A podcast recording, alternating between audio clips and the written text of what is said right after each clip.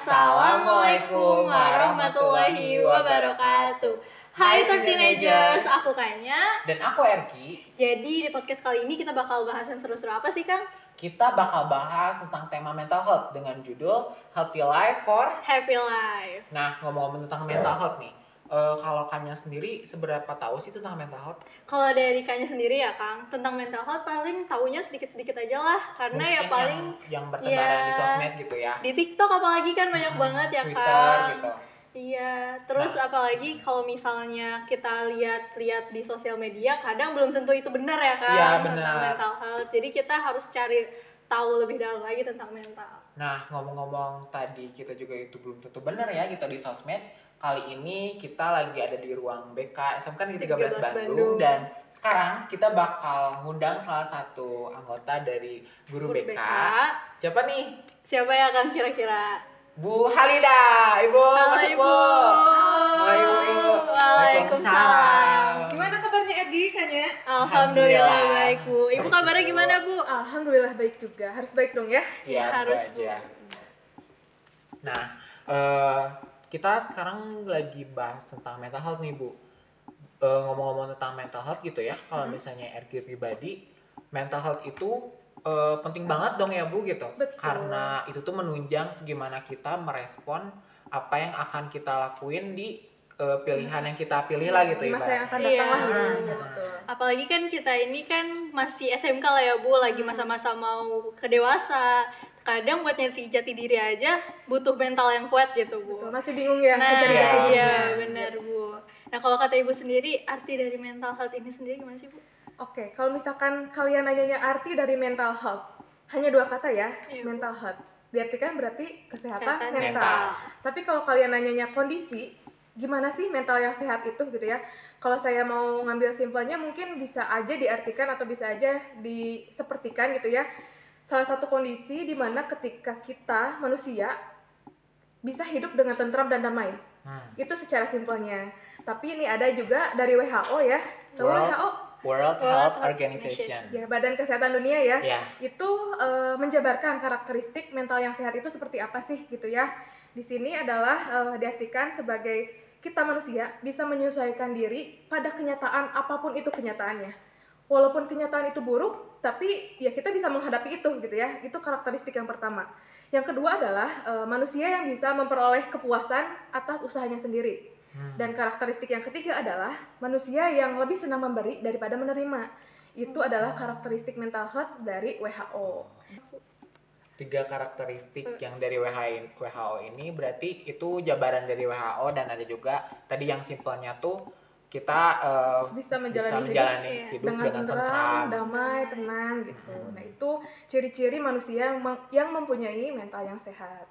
Nah, eh, selain dari jabaran itu ya, Mhm. tentu aja kita juga harus mengenali gitu dari mental health kita masing-masing. Mm-mm. Karena kita kan juga selain melihat mental orang lain juga kita juga harus eh, mengetahui mental diri kita sendiri gitu. Karena yang paling penting kan diri sendiri dulu ya Bu. Betul.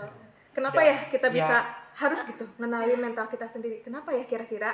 Karena mungkin ada manfaatnya nih Bu. Manfaatnya Mm-mm. apa aja sih Bu? manfaat dari kita bisa memahami diri sendiri gitu ya, eh, terutama dengan kesehatan mental kita gitu ya. Ketika kita menjalani hidup, Hmm. kalau misalkan kita tahu nih mental kita lagi nggak baik-baik aja, otomatis kita tahu kita harus melangkah ke mana. Tapi kalau misalkan kita nggak tahu eh, kita tuh lagi baik-baik aja atau enggak gitu ya, ketika kita dihadapkan dengan satu masalah, kita sulit sulit untuk menghadapi masalah tersebut. Iya. Bukannya menghadapi malah menghindar Lari lari atau gitu. menghindar. Ya. dan ketika masalah itu dihindari mau beres-beres cacing beres, malah nambah mungkin nambah ya, Bu. Iya. nambah-nambah lagi kalau misalkan dia diterpa masalah baru nanti dia makin down gitu Hmm. jadi ya sangat bermanfaat lah ketika kita mengenali mental kita pada tahap apa gitu Cuman mungkin memang rada sulit ya Bu untuk mengenali mental health kita itu kayak gimana Iya. karena kayak kita tahu apa yang mau kita yang kita mau aja gitu rada susah gitu ya kayak Hmm. pengen ini tapi pengen yang ini deh tapi yang mana ya gitu ya karena Iya, suka susah gitu. benar. suka bimbang ya Iya, dia benar. suka bimbang Terus sekarang kan kita juga dalam mengatasi masalah yang tadi kata ibu sendiri ya suka lari dari masalah gitu bu. Hmm. Nanti kan masalah makin numpuk nih. Nah terus kita udah ngestak, gak tahu kita mau ngapain nih. Kadang kita malah nyari pelampiasan bu jatuhnya Pelampiasannya kadang baik, kadang buruk. nah Iya. iya bu pelampiasan itu ada dua balik Nah, lagi ke segimana orang itu menyikapi gitu ya Iya, betul. tapi ternyata dengan kita yang masih banyak labil lebih banyak yang buruk bu Ya, remaja namanya juga lagi ya contohnya self harm yang gitu bu banyak ya kasus-kasus banyak ya. bu apalagi Kalau misalkan saya lihat juga ya seperti tadi saya dengar lah dikit-dikit kalian kan suka liatin atau mantengin TikTok, Twitter Iya. ataupun Hmm. apa gitu ya. Banyak orang-orang yang bukannya menutupi malah menyebarkan gitu kan Iya, bahwa saya tuh melakukan ini Hmm. gitu ya. Dan sangat-sangat disayangkan juga gitu sebenarnya bukan hanya di masyarakat yang kita nggak kenal ya, tapi di lingkungan kita pun gitu ya di SMK 13 banyak teman-teman yang melakukan hal itu gitu entah itu ketawa, ketahuannya nggak sengaja gitu ya saya ngelihat kok itu tangannya ada garis-garis bekas apa gitu kan ada juga yang memang eh, datang ke sini dan eh, alhamdulillahnya gitu ya Ya. mau curhat Hmm. mau membagikan pengalamannya bahwa saya tuh kalau lagi stres atau lagi nggak bisa mikir apa-apa gitu ya jatuhnya ke self harm Self-harm, itu iya. gitu kalian enggak kan enggak alhamdulillah Insya Allah enggak sih ya. Allah enggak kadang bu eh, tapi aku tuh tak aku tuh punya temen nih Mm-mm. kayak sebenarnya dua sih yang aku kenal mereka tuh kayak eh, suka ngelampiasin si beban hidupnya tuh dengan ngelakuin self harm gitu yang pertama kayak dia tuh eh, kan ada ya gitu kayak solusi buat ngehindarin self harm itu salah satunya dengan menjauhkan barang-barang yang tajam gitu ya. Mm-mm. cuman kadang ada yang kayak eh, so ide kayak pakai kayu atau serpihan kaca dan lain-lainnya gitu ya. Nah ibu selain dari kita ngejauhin barang-barang tajam apa aja sih bu gitu buat cara-cara buat ngehindarin self harm ya? Hmm, Iya, Bu. coba kalian alihkan ke sesuatu yang positif suka olahraga nggak suka, Suka. suka nah dengan olahraga energi kalian kan terbuang gitu ya Hmm. hormon-hormon yang tadinya negatif ya Jadi udah terbuang. keluarlah dari Ya. olahraga itu gitu ya selain olahraga kalian juga bisa ngobrol ngobrol sama teman ngobrol sama orang rumah gitu kan tapi ngobrolnya Boleh juga. jangan jangan fokus ke self harm itu Iya. gitu ya apa aja gitu kalian obrolin ketika kalian di rumah ada siapa obrolin lah tadi di sekolah ngapain Hmm. obrolin ngacapruk lah Iya. istilah mama gitu nya tinggal kasih mama gitu ya mama ini tadi aku telat tahu pas diantarin ke sekolah gitu dicegat sama. Pak Taufik gitu kan atau iya. Maya gitu kan misalnya gitu kan Iya, jadi kayak ya udah curhat aja gitu biar nanti Curhat ke depannya aja. biasa buat curhat sama Iya, orang tua gitu betul biar waktunya juga habis gitu terus Hmm. kalian eh, lama-lama ya lupa sendirilah dengan Iya. keinginan kalian buat self harm itu gitu ya. Terus tapi kadang-kadang kan ada juga yang bu di rumah saya tuh nggak ada siapa-siapa. Ya. orang tua saya kerja saya anak tunggal misalkan ya. Terus di sekolah juga nggak punya teman. Ah pokoknya dia feeling lonely gitu Iya. ya ngerasa sendiri lebih banget. rentan gitu ya. Mm-mm, lebih rentan kan buat eh, ngapa-ngapain gitu ya dalam tanda kutip. Coba kalian itu apa sih eh, 15 menit dulu nih. Jangan ngapa-ngapain. Pokoknya berusaha sebaik mungkin gitu ya untuk nahan jangan ngambil sesuatu yang aneh-aneh jangan me, apa ya melukai diri sendiri gitu ya selama 15 menit itu. Kalau misalkan 15 menit pertama sudah terlewati boleh kalian kasih reward apa pun buat kalian. Entah itu oke kalau misalkan 15 menit ini udah terlewati saya boleh jajan es krim. Ya. kayak gitu misalkan ya. Self reward iya, gitu self ya. reward aja buat kalian gitu seperti itu. Eh, dan kalau misalkan kalian bisa menjalankan hal itu ya itu hal yang baik sih Hmm. gitu ya. Terus ada juga nih kalian bisa menulis diary. Zaman zaman sekarang ada nggak sih yang suka nulis diary? Ada, ada mungkin beberapa di kali ya gitu ya di Iya. note HP soalnya karena kebanyakan sekarang di second account sih Oh, kalau iya. curhat ya. Punya Twitter, tapi- iya. Eh, mending gak usah banyak follower deh. Yang penting saya bisa katarsis di situ ya bisa cerita di situ dituangkan semua di situ. Ya intinya itulah harus punya satu media yang bikin kalian tuh lupa akan keinginan yang tidak baik itu gitu ya. Iya. Eh, terus selain curhat entah itu di diary itu atau misalkan di note atau di Twitter tadi itu ya bisa juga nih kalian punya apa ya kesenangan sendiri misalkan hobi. Mm-mm, hobi Ya. hobinya misalkan masak. Jadi masak Bisa. terus aja biar lupa sama semua masalahnya Betul, gitu tapi ya. kan masak juga rentan ya ada pisau gitu ya. Iya Iya. bu benar bu. Ya sebisa mungkin jangan fokus ke situnya tapi ya. fokus menciptakan satu masakan yang enak. Nge-challenge nantangin diri Hmm, sendiri gitu bisa kayak. masak apa nih aku? Nanti dimakan sendiri sama aku juga ngerasa enak Iya. ngerasa nikmat gitu kan gitu bisa juga kalian kalau misalkan yang hobi main logika kadang suka banyak yang koleksi Rubik ya, Ya, heeh. iya. buat menghilang gitu. stres juga kan Mm-mm, kadang gitu. kan bisa ya ke situ aja deh dilampiasinnya atau misalkan eh, kalau misalkan nggak ada banget gitu ya kalau yang muslim Hmm. ada tasbih Iya. Iya. coba deh banyak zikir gitu ya Hmm. kalau misalkan nggak ada juga kalau yang non muslim misalkan mau ngapain di rumah ada bebatuan misalkan hitung batu deh gitu asalkan Iya. Fokusnya enggak ke melukai diri sendiri gitu jangan sampai itu yang di eh, kedepankan nah ini nih yang paling pamungkas gitu ya ketika Pamungkas. kalian pamungkas bukan nama penyanyi ya Iya. ketika kalian stres punya masalah nangis deh Hmm. suka nangis gak Sering Suka. bu, cuman kan pada kenyataannya kadang kayak orang apaan sih nangis tuh nggak Iya. nyelesain masalah loh, sering ada beberapa orang Apalagi yang eh, begitu. aku gitu ya yang cowok gitu kadang Nah, suka iya. ada batasannya ketika pengen nangis tuh kayak malu oh, ma- malu terus kayak Mm-mm. kayak lebih ke kayak ya figur yang cowok tuh Dicapnya ya kuat kayak gitu, gimana gitu kuat kan. dan nggak gampang nangis tapi kadang kayak aku karena orang yang kira ada masa bodoh gitu ya dan Mhm. kayak oh yaudah ini aku dan aku ngelakuin sesuka aku dan aku pengen ngelakuin itu demi diri aku ya udah aku nangis aja gitu Iya nggak apa-apa nangis aja karena kan menangis itu salah satu media buat Hmm. melepaskan hormon gitu kan. Iya. Nggak apa-apa nangis aja. Kadang saya miris juga gitu ya ketika banyak nih sekarang orang tua orang tua yang punya anak cowok ah masa gitu aja nangis. Nah itu tuh sebenarnya nggak boleh gitu. Hmm. Nggak apa-apa suruh nangis aja gitu ketika merasakan sakit wajar kok nangis gitu. Jadi Wajar. jangan jangan ditahan gitu. normal Itu sih gitu ya eh, beberapa cara buat kita tuh nggak fokus ke melukai diri sendiri gitu. Jangan sampai eh, pikiran kita dikuasai oleh yang Nafsu merusak iya gitu. merusak tubuh kita gitu. karena ada masih adalah kegiatan positif lain yang bisa dilakuin selain dari self harm yang memang ujungnya tuh berdampak negatif gitu. Iya. Betul. Terus ini ya Bu, kita jadi makin sini makin penasaran Iya, banget makin nih penasaran sama yang namanya health mental health, Iya. apalagi untuk diri sendiri sama beberapa teman-teman yang mulai mungkin ngasih ciri-ciri bahwa mereka Hmm. tuh ada rentan terhadap mental disorder Yang yang, lain gitu Karena ya Bu. aku juga kayak gak tahu ya apakah me- aku mungkin dan juga kayaknya kayak gak tahu apakah mental kita tuh sehat atau mungkin mental kita tuh rada kurang sehat atau gimana gitu. Apa sih Bu gitu ciri-ciri kalau mental kita sehat atau mungkin gak sehat? Balik lagi ke yang tadi di awal ya. Hmm. Kalau kita lagi bisa nih menjalani hidup dengan baik-baik saja, insya Allah itu dalam keadaan sehat sih mentalnya ya. Dan kita ketika menghadapi masalah, ya tahu itu masalah, tapi ya udah jalanin aja. Itu termasuk ciri-ciri sih kalau kita tuh lagi dalam keadaan yang sehat gitu ya. Tapi kalau misalkan kita udah banyak lari-lari, banyak menghindari dari masalah gitu ya, ya itu harus eh, tanda-tanda Ya, nih gitu red ya. flag gitu Mm, ya red flag gitulah pokoknya mah gitu. Terus ciri-ciri yang lebih spesifik mungkin ya kayak Iya. suka halusinasi, Hmm. delusinasi. Tahu nggak Iya. perbedaan dua itu apa?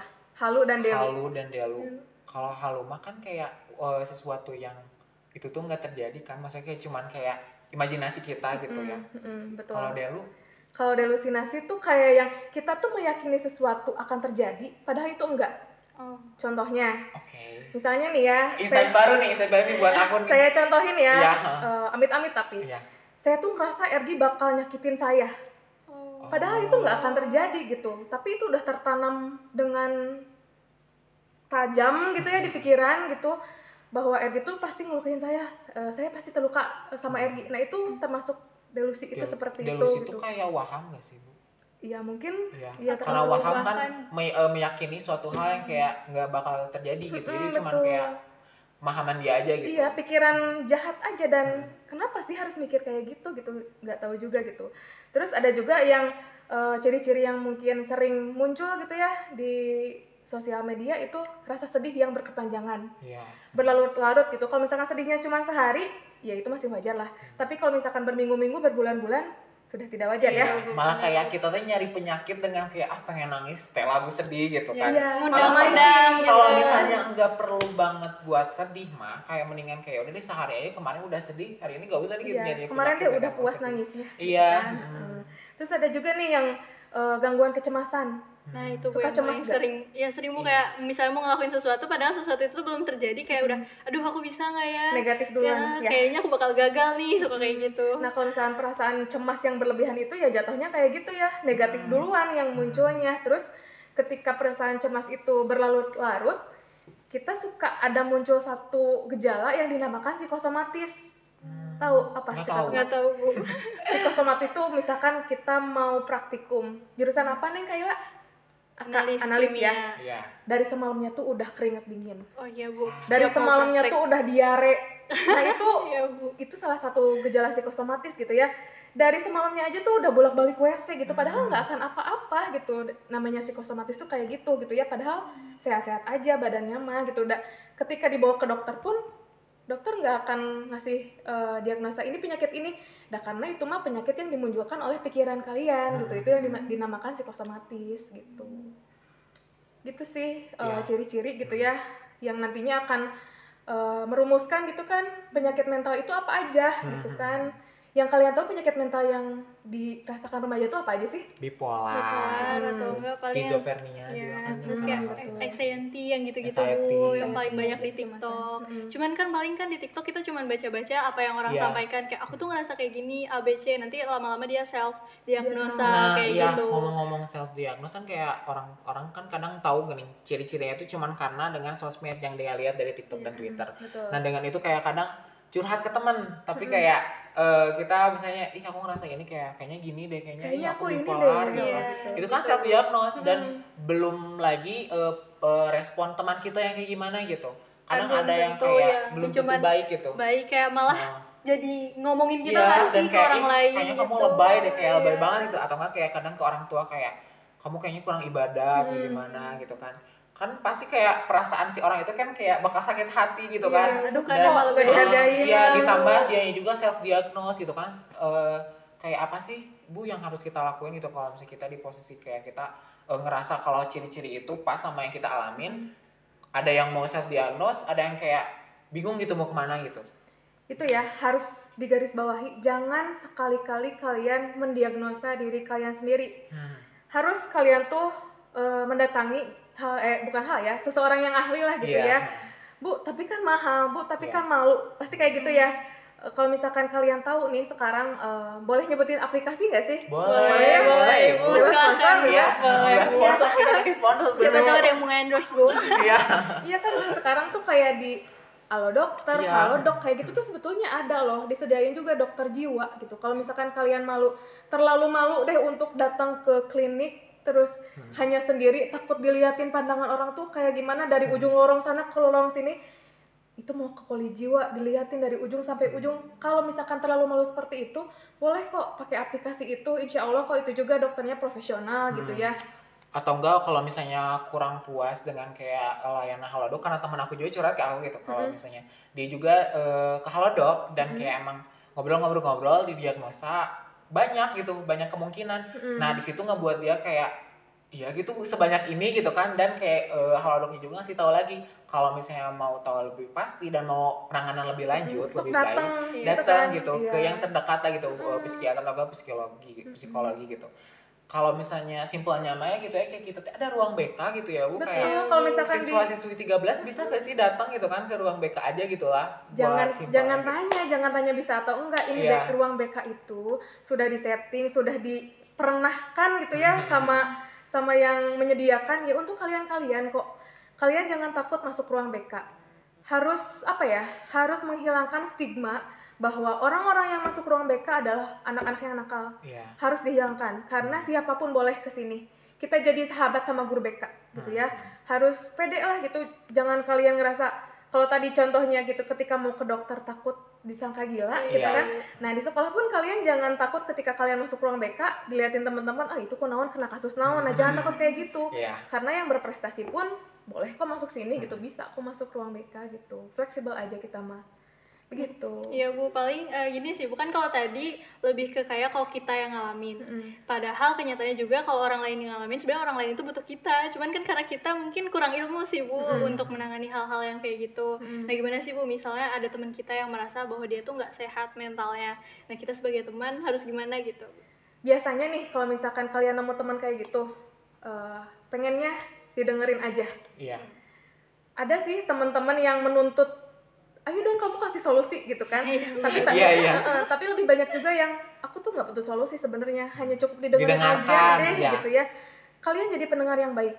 Ketika dia cerita jadi pendengar yang baik dengan seksama gitu ya. Cukup kalian dengarkan tidak perlu kalian judge tidak perlu kalian menilai mereka ih kamu mah lebay ih kamu mah dah harusnya Iya. kayak gini. Nggak perlu dengerin aja. Dan ketika dia selesai cerita tanya kamu butuhnya apa? Hmm. kamu butuh solusi dari saya atau enggak kalau misalkan dia berkata atau menjawab iya butuh dan kalian bisa gitu ya alhamdulillahnya bisa mangga Hmm. tapi kalaupun misalkan kalian nggak bisa ngapa-ngapain ya nggak ada salahnya kok kalian aduh maaf ya saya Iya. bukan kapasitasnya untuk menanggapi curhatan kamu gitu mau nggak diantarin ke ruang BK misalkan Iya. kayak gitu Bisa. ya bisa aja kan gitu mau nggak diantarin cerita sama eh, ibu ini kan di sini ada tiga ya guru BK-nya Hmm. ya sesuai dengan tingkatannya lah ke siapa mau mau ceritanya gitu kayak gitu ju- juga bisa kok nggak harus kasih solusi yang paling ampuh atau gimana Iya. jadi nggak usah bingung tanya aja butuhnya gimana Jadi lebih ke kayak daripada kita bikin tambah beban, mending kita Hmm. nyari kasih solusi buat ke orang yang lebih profesional gitu ya, oh Bu. iya gitu Nah, eh, tadi kan kita ngobrol-ngobrol nih gitu tentang orang-orang yang kayak curhat ke teman gitu kan. Dan kayak eh, segimana temennya ini menanggapi kalau misalnya tadi kan dengan yang kita bilang kalau misalnya kasus yang temennya itu ngomongnya lebay dan lain kayak lebih eh, pilah-pilih gitu ya. Gimana kita curhat ke orang itu. Tapi kadang ada yang kayak eh, orangnya tuh kayak dia tuh ngaku kalau misalnya dia tuh eh, bipolar gini gini gini dan dia tuh kayak malah eh, ngerasa bangga buat Hmm. punya penyakit mental itu kan karena kayak malah jadi ngetren itu ya bu Mm-mm. kayak Iya, di. Twitter, Di di Twitter, di TikTok kayak malah Jadi kadang ada yang sengaja ngevideoin ketika dia tuh penyakit mentalnya tuh kamu dan kayak menurut ibu fenomena ini tuh kayak emang wajar terjadi atau gimana sih bu? kalau yang namanya hal negatif kete- ketika jadi fenomena menurut saya itu nggak wajar sih Iya. ya sangat-sangat nggak wajar tapi ya nggak aneh juga karena disediakan medianya gitu ya media untuk kalian berekspresi media, Hmm. media untuk kalian menyalurkan apa ya curhatan itu sangat-sangat banyak kan sekarang jadi ya banyak bertebaran di TikTok, di Twitter seperti yang tadi kalian sebutin lah gitu ya.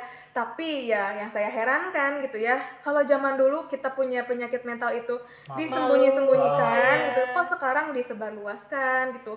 Entah itu tujuannya untuk apa, cari perhatian Cari kah perhatian atau apakah kalau gitu misalnya kayak mereka kayak misalnya selebgram selebgram yang mempublis tapi itu kan mereka kan ada impactnya dengan kayak ngasih Tahu eh, gitu ya, bimbingan dan ngasih tahu gimana misalnya apa yang dia rasain ngalamin gitu. dan dia juga ngasih solusi nggak kayak yang cuma kayak cerita, cerita buat cari perhatian, buat cari perhatian gitu ya Bu. karena ada positif dan negatifnya gitu. Kalau itu sih bagus sih. Hmm. Mungkin kalau misalkan yang saya kenal ya Sania Leonardo ya. Iya, Nah, itu juga kan salah satu penderita bipolar ya. Iya. yang bisa membagikan pengalamannya terus step-stepnya harus kayak gimana sih ketika dia mengalami hal yang kurang enak nah kalau misalkan ada followersnya atau pengikutnya yang sama juga gitu mengalami setelah tentunya bukan setelah self diagnose ya setelah dia Psikiater. berkunjung ke psikolog atau ke psi- psikiater gitu dia juga bisa menjadi pribadi yang sama positifnya kayak Sania itu ya Iya. beliau walaupun punya penyakit mental tapi kan kita ngelihatnya enak aja gitu kan Iya. walaupun nggak semua sih pasti Nggak ada semua. juga yang aduh saya nggak inter sama orang ini tapi sejauh ini sih dengan lihat followersnya yang banyak gitu kan dengan lihat bagaimana dia bisa membagikan pengalamannya, pengalamannya Pengalaman. gitu kan itu positif lah bagi saya mah dan ibu aku mah ini mah kepo gitu ya mungkin di luar pertanyaan yang ada bedanya psikiater sama psikolog itu apa sih bu tahu nggak bu oke kalau psikolog Soalnya kan hanya takut salah kaprah salah gitu ya, ya takut salah datang Heeh. ke mana nih, mau ke mana ya. gitu. Heeh. kalau psikolog itu hanya boleh atau hanya diperbolehkan eh, ngasih masukan solusi solusi pilihan gitu pilihan Ah. dan juga eh, apa sih namanya eh, treatment lah gitu ya Hmm. Tapi kalau psikiater boleh mengasih obat, boleh kasih obat gitu, Ah. boleh kasih resep. Tapi kalau psikolog nggak boleh. Hmm. Gitu. Oke, jadi emang bedanya juga signifikan gitu ya. Mm. Hmm. Jadi kalau misalkan kalian memang dari psikolog ternyata psikolog itu punten gitu ya, angkat tangan karena nggak bisa ngasih resep ya pasti akan dialihkan ke psikiater gitu. Jadi mungkin lebih step pertamanya ke psikolog dulu gitu ya, Mm, Bu. betul. Kalau Ya. misalkan dari psikolog itu bisa ditangani, tidak perlu obat nih, ya udah gitu kan, tinggal jalani aja treatment berapa kali sih, berapa kali harus ketemu psikolog. Tapi kalau psikolog itu eh, menyimpulkan, oh anak ini harus ditambah obat nih, gitu kan, Hmm. mangga itu Mengajukan ke psikiater lagi. Hmm. Jadi mungkin eh, di sini kita udah tahu gitu ya, eh, kita harus lari ke mana nih gitu. Ketika kita eh, tahu ciri-ciri dari diri kita sendiri, Ataupun Kayak- melihat Hmm. orang lain ketika orang lain sepertinya mengalami ciri-ciri tersebut yang Hmm. tadi udah kita sebutin nih ya, panjang lebar. kita arahin ke psikolog dan Iya, dari psikolog juga bakal diarahin mungkin kalau misalnya butuh obat ke psikiater. Nah, eh, kayak mungkin selanjutnya aku mah mau ini bu nanya tentang kasus nih gitu. Kayak aku teh punya teman gitu ya, Mm-mm. yang dia teh eh, punya penyakit. Aku tuh tahu kalau misalnya ngerti dan dia tuh punya penyakit mental yang harus segera ditangani. Hmm. Tapi dia tuh nggak mau gitu pergi ke Kekeh nggak mau. psikiater. Nggak mau banget dan kayak atau mungkin curhat curhat ke temen kayak dia dia curhat ke aku, cuman kayak masih rada cuman kayak banyak gini, yang dikipnya Iya banyak yang dikip. Kayak makanya aku juga rada bingung nih gitu mau ngasih solusi gimana gitu kan atau nenangin dia kayak gimana gitu. Dan dia tuh takut orang-orang pikir kalau dia tuh gila dan kayak seenggaknya kan tadi ada namanya self diagnose. Nah, ini tuh mungkin self treatment yang mungkin dia bisa lakuin ke diri dia sendiri ketika dia bener-bener gak ada mau kemauan ke yang lain gitu.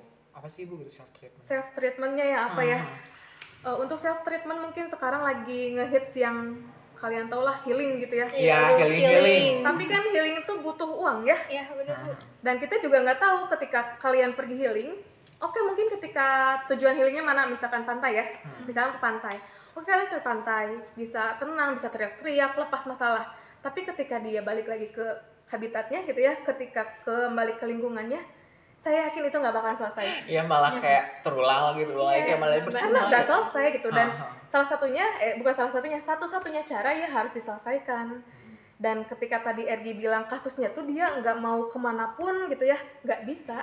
Harus dia harus punya seseorang yang mengarahkan dia mengobati dia gitu. Jadi nggak bisa nggak bisa Nggak bisa. self treatment kalau memang sudah pasti gitu kalau dia tuh punya penyakit tersebut.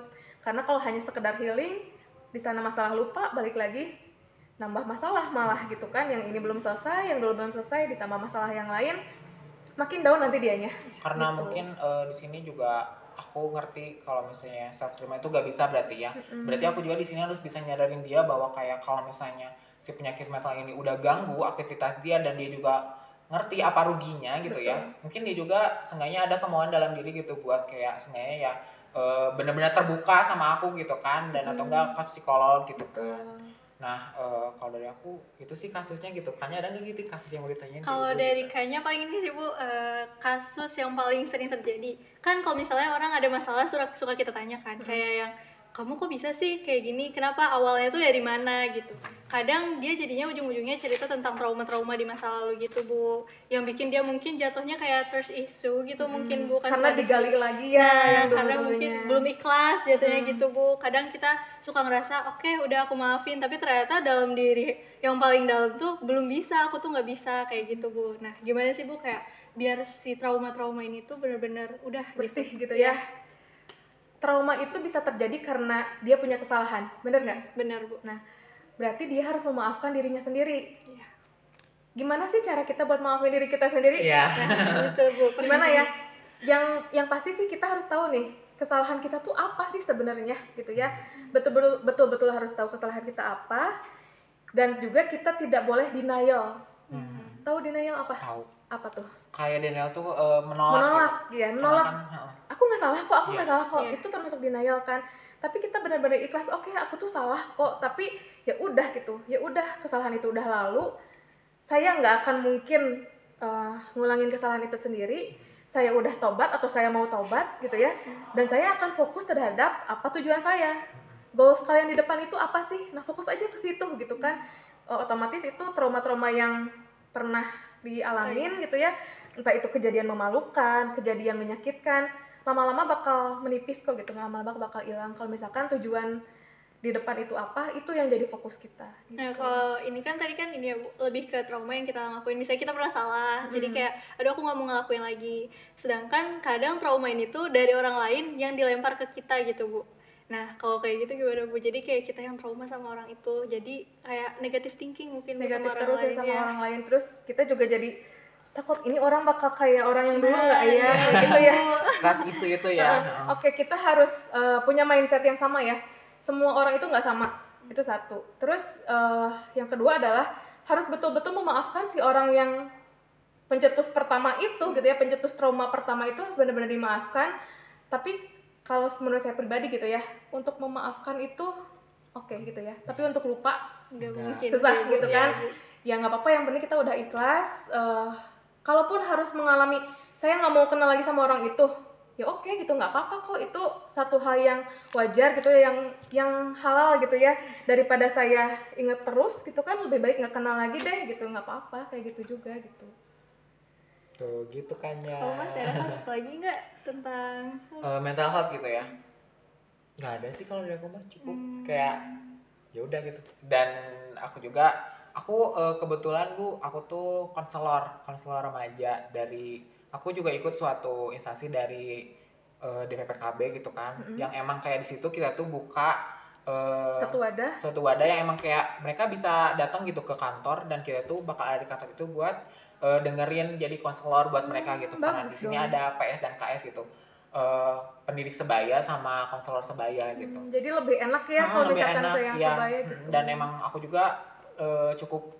beberapa nggak cukup banyak juga sih kayak emang kenal lah gitu ya beberapa orang yang emang mereka tuh punya penyakit mental gitu dan kayak emang nggak bisa dipungkiri juga gitu ya kalau misalnya uh, punya tentang mental health ini tuh teori yang berteori gitu ya. Jadi Iya, emang nggak ada habis-habisnya. berteori, hmm, nggak akan Hmm. ada habisnya. Dan ya semakin kayaknya gitu ya semakin berkembang zaman itu penyakit mental itu atau gangguan mental itu ya menambah gitu. Hmm. karena beban pikiran pun pasti beda gitu kan. Orang zaman dulu dengan zaman sekarang pikirannya apa sih gitu kan? Pasti Hmm. beda-beda gitu. Beban pikirannya apa yang mendatang yang datang gitu yang dihadapi itu pasti beda Ya, jadi kalau misalnya ngomong tentang kasus mah ya aku gak ada sih teman-teman aku juga aku udah seenggaknya aku bisa ada buat mereka dan mereka juga ada punya aku gitu. Dan ya buat teman-teman SMK Negeri 13 Bandung, siswa-siswi gitu. Kalau misalnya emang nggak punya teman banget yang kalau misalnya kayak aku gitu kan atau kayak Kanya gitu kan, bisa gitu datang ke eh, ibu gitu ya Hmm, di saya. ruang BK SMK Negeri BK. 13 Bandung. Kayak nggak kerasa ya? Nggak kerasa, nggak udah kerasa, di banyak banget gitu ya bahas podcast. tentang mental udah banyak gitu. ngocehnya gitu ya Iya. mudah-mudahan ngoceh kita ini bermanfaat gitu ya eh, semoga bisa diambil semua informasi yang kita share hari share itu ini. dengan baik gitu ya dan tentunya juga harus kalian sharing lagi gitu yang gimana yang serak di kalian dan yang mana yang enggak gitu ya. Satu hal sih pesan dari saya gitu ya ketika kalian punya teman yang sekiranya butuh dibantu gitu ya ya tadi itu jangan jangan dicepuin ke orang Iya. jangan dinyinyirin karena kalau misalkan kita nggak bisa ngebantu seenggaknya kita diem aja deh gitu Hmm. jangan malah ke mana-mana gitu Iya. Gitu sih. Eh, jadi dari kita mah udah udah segitu cukup tentang mental ya health. makasih ibu Makasih banyak hari Ibu. ini Ya terima udah kasih. nyempetin waktunya buat datang ke podcast kita dan satu kali lagi yang bakal kita sebut Happy Life for happy life Assalamualaikum warahmatullahi wabarakatuh. Bye teenagers.